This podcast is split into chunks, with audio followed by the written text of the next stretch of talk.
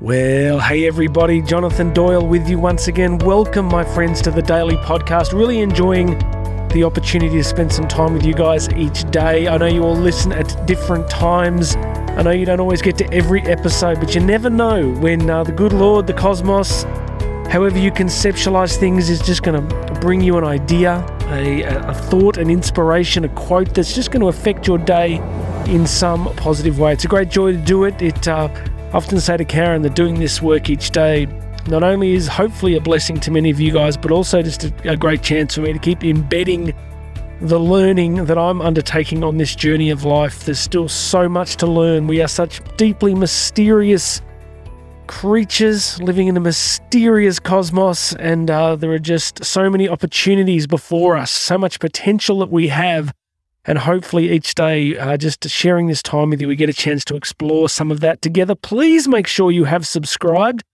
Hit that big subscribe button wherever you're listening on Apple Podcasts, Spotify, Google. Gosh, there are so many podcast platforms now. I just say gosh. It's, I guess it's better than anything else, but I haven't said that in a while. So please make sure you're subscribed. It does make a big difference. And if you like what you're hearing, then uh, reach out and let me know. Send me an email, jonathan at jonathandoyle.co.co. Specifically, if you've got a topic you want me to cover, there was an episode I did uh, about a week ago on toxic people, and it just took off. It had like you know a huge number of hits and listens compared to the episodes that surrounded it. So I'm deeply convinced that listener generated content is the way to go. So if you find that there is something in your life that's holding you back, there's an issue, a challenge, a problem, could be work related, relationships, health and fitness, mindset, anything that's holding you back, send me an email today, jonathan at jonathandoyle.co, because those questions, excuse me, that I get from you guys really help generate the content. So please make sure you've subscribed, flick me an email with some ideas for what you want to hear about, and make sure you go and check out the description notes today because there are links in there to get free access to my book, Bridging the Gap. Free access. You can find out how to book me to speak if you have a leadership role in uh, in business, in uh, community organizations, churches, education settings, schools. Wherever you have a leadership role, let me know if you would like me to come and work with your team, your people, and put together a great presentation that's going to help move everybody forward. Now, I said about a week ago, I did an episode that said, What if God is on your side? And uh, that fits into today's episode because I had this kind of God on my side experience. We've been on a little break for about a week in, uh, in Queensland. And I love books. I'm a voracious reader. One of the great tragedies of this season of life, not that there's many of them really, but one of the tragedies, or how about something that's just mildly inconvenient? Let's just downgrade it to that. Uh, in this season of life, is I don't get to read often as much as I want to. When uh, pre-COVID, I was traveling so much, especially flying in and out of the US, you know, every uh, sort of few weeks, I got to do tons of great reading. So that's a that's a real pity. But so I am a I'm a bibliophile. I'm somebody that loves to read. I've always been, you know, for, for decades now. I just had such an interest in business books, personal development, biographies. And so we're up on the coast, and there was a couple of oh gosh, must have been two or three bookshops that I went to, and I'll be really honest with you, I was just, I was kind of, mm, what's the word? Not nonplussed. I was kind of underwhelmed. That's the word I was looking for. Underwhelmed by a lot of the stuff that's out there, um, you know, at the moment in terms of personal development and spirituality, self help stuff. It's it's it seems to me, and this is just a sort of a broad brush here. It's very kind of utilitarian. It takes the view that the purpose of existence is simply to maximize efficiency and impact and outcomes. And it treats many of it sort of treats life as kind of like a I don't know, sort of like some sort of project that we just need to optimize and then we will find happiness. I guess what I'm saying is a lot of it seems to be missing depth. So, hence my story. Uh, Karen and I had uh, a rare chance to get a break. Um, our kids are still pretty young, as you know, and we, Karen's parents offered to take the kids for the evening, and we escaped to have dinner, and uh, and it was uh, it was great. And unfortunately, the weather was was a bit off, so we were driving around trying to find somewhere to go for dinner, and as we do sometimes, here's here's me teaching people how to be decisive and full of action. And we're indecisive trying to find a restaurant. And we're driving around and driving around. And at one point, we turned a corner, and I just happened to notice a secondhand bookstore. It was closed, but I just noticed where it was. And so a couple of days later, we're out walking, and uh, and I said to Kaz, that, "Hey, let's go check out this bookstore." And sure enough, we end up at the bookstore, and it's I love old secondhand bookstores, and I found that a sort of business personal development section. And I found this really fascinating book. I'm just to, I've got it here in front of me and I'm just looking at the, um, the first published thing. It should be interesting when this was first published. Let me see. Um, first published in 1992 as my first year out of high school. 1992. So friends, that is 30 years ago. My gosh. And it's, um, it's a fascinating book. It's called Thick Face Black Heart. Thick Face Black Heart from a Taiwanese Chinese lady called Chin Ning Chu. And she, a fascinating lady, you know, really amazing story. Her parents with uh, she was with her parents when they literally got the last commercial flight out of mainland China um, during the uh, you know when the uh, the revolution was um, you know people were escaping to Taiwan to escape um, Mao and they were literally on the last flight out. And um, so she had this amazing life. You know, she came from wealth, but they ended up so poor, obviously fleeing the country. Then she built a life in, in the US in business, and um, she became a real genius at helping Western business operators understand sort of the the Asian mindset around business. So that's her story. But this book, Thick Face Black Heart, was just I just I don't know, just sort of reached out to me, and it cost me four dollars ninety five $4.95. And most of the other stuff that you find these days in airports, you know, you're paying $30, $40 for what can often be a bit of fluff. So this book has been really fascinating. It's got depth to it. It comes from a, an intelligent person who's lived a lot of life, seen a lot of life. And uh, yeah, I just want to encourage everybody that, um, you know, pay attention to what you're reading. Like there's some, a lot of fluff around these days. And, and you know, often the, um, the more challenging texts, you know, stuff that I mentioned at the moment, I just put a, a new translation of Marcus Aurelius's Meditations. Um, I'm a big fan of uh, Alfred Adler, and a lot of these things you have to do the work. You have to actually put the time in and read them and understand them. But um, listen, what I want to do today is uh, I'm a big uh, underliner, highlighter. So all through this book, I've just highlighted and written things down. And there was a section I want to share with you today which is the purpose of today's episode, which is going a little bit deeper into this concept of fear of success, self sabotage, which I talk about quite frequently. Regular listeners will know that it comes up. And I want to uh, share this quote with you from Chin Ning Chu and from her book here.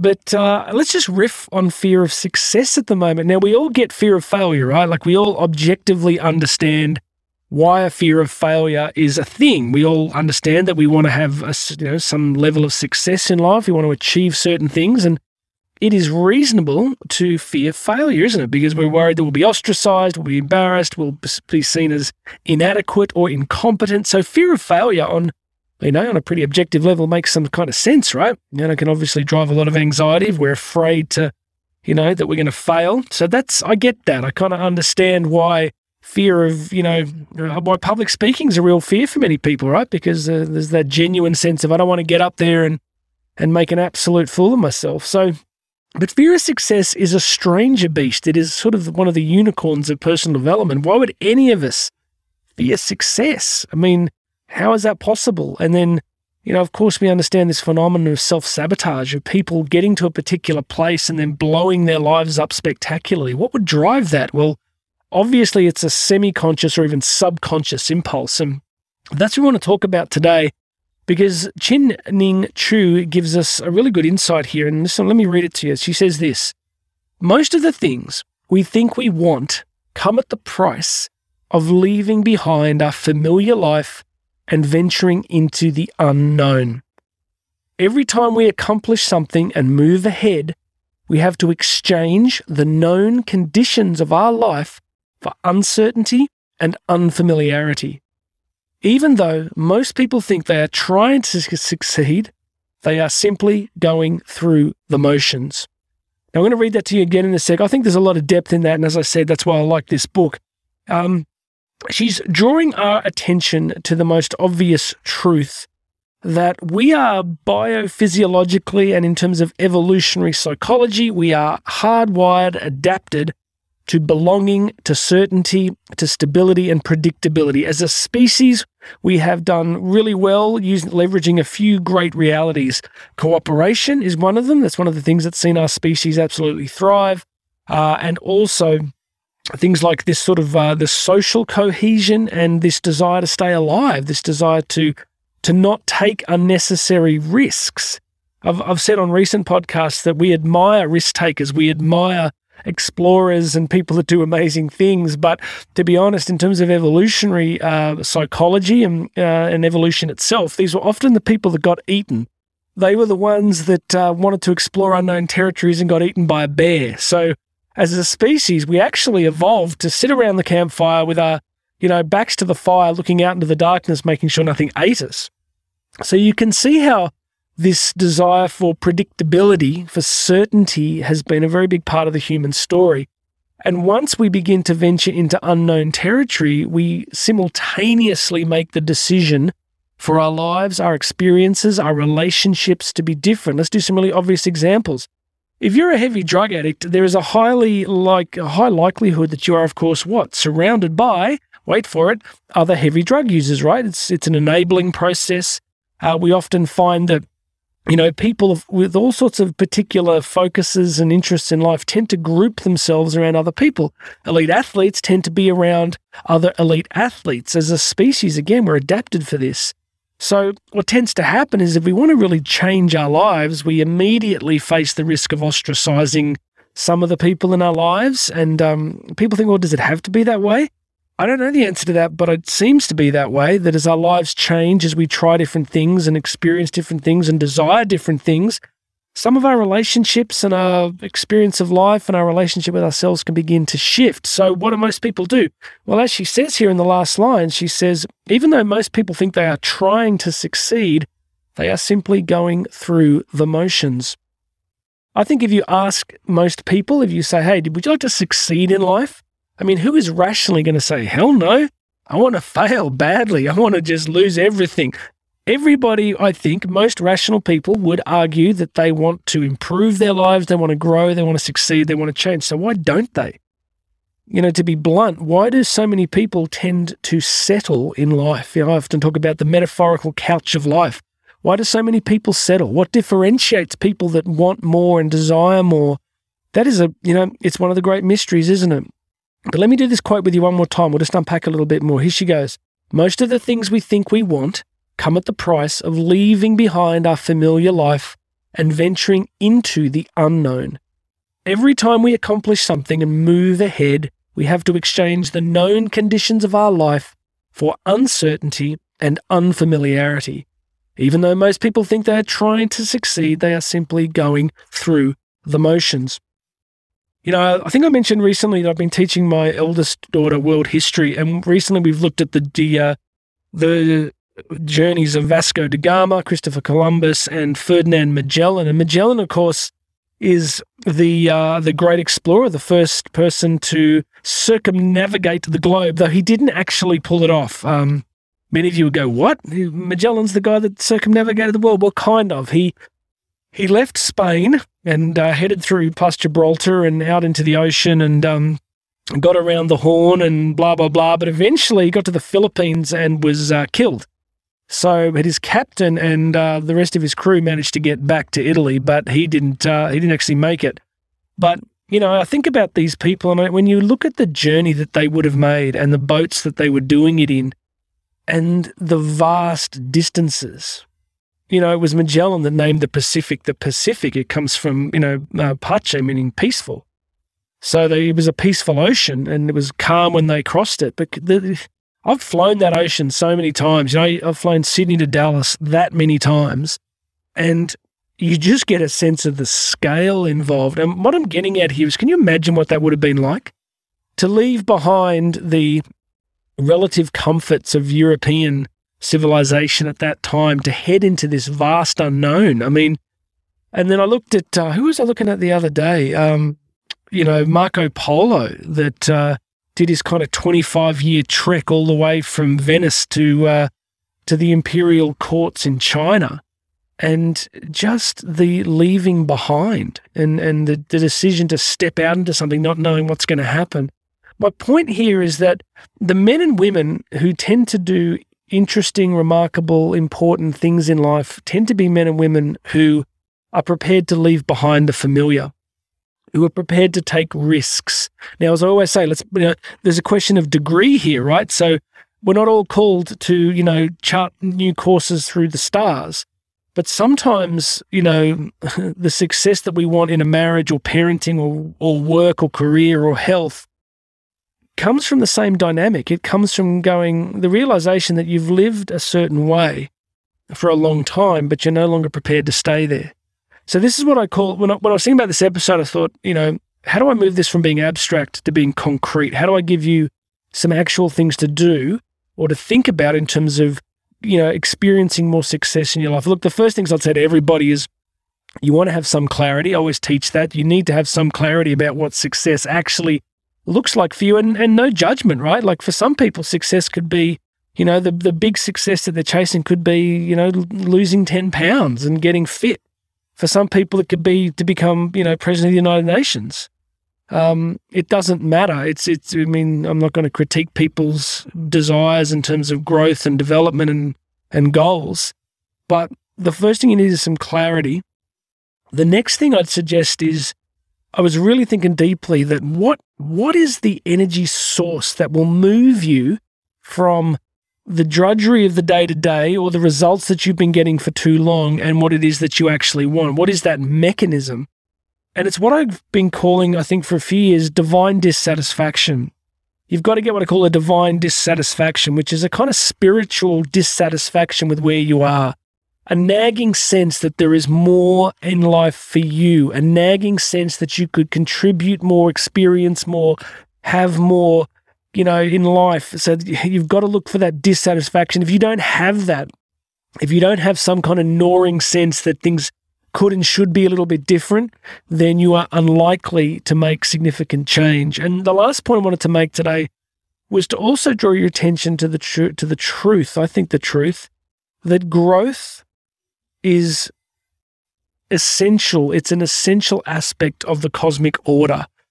Everything is moving in the cosmos, right? Nothing's stationary.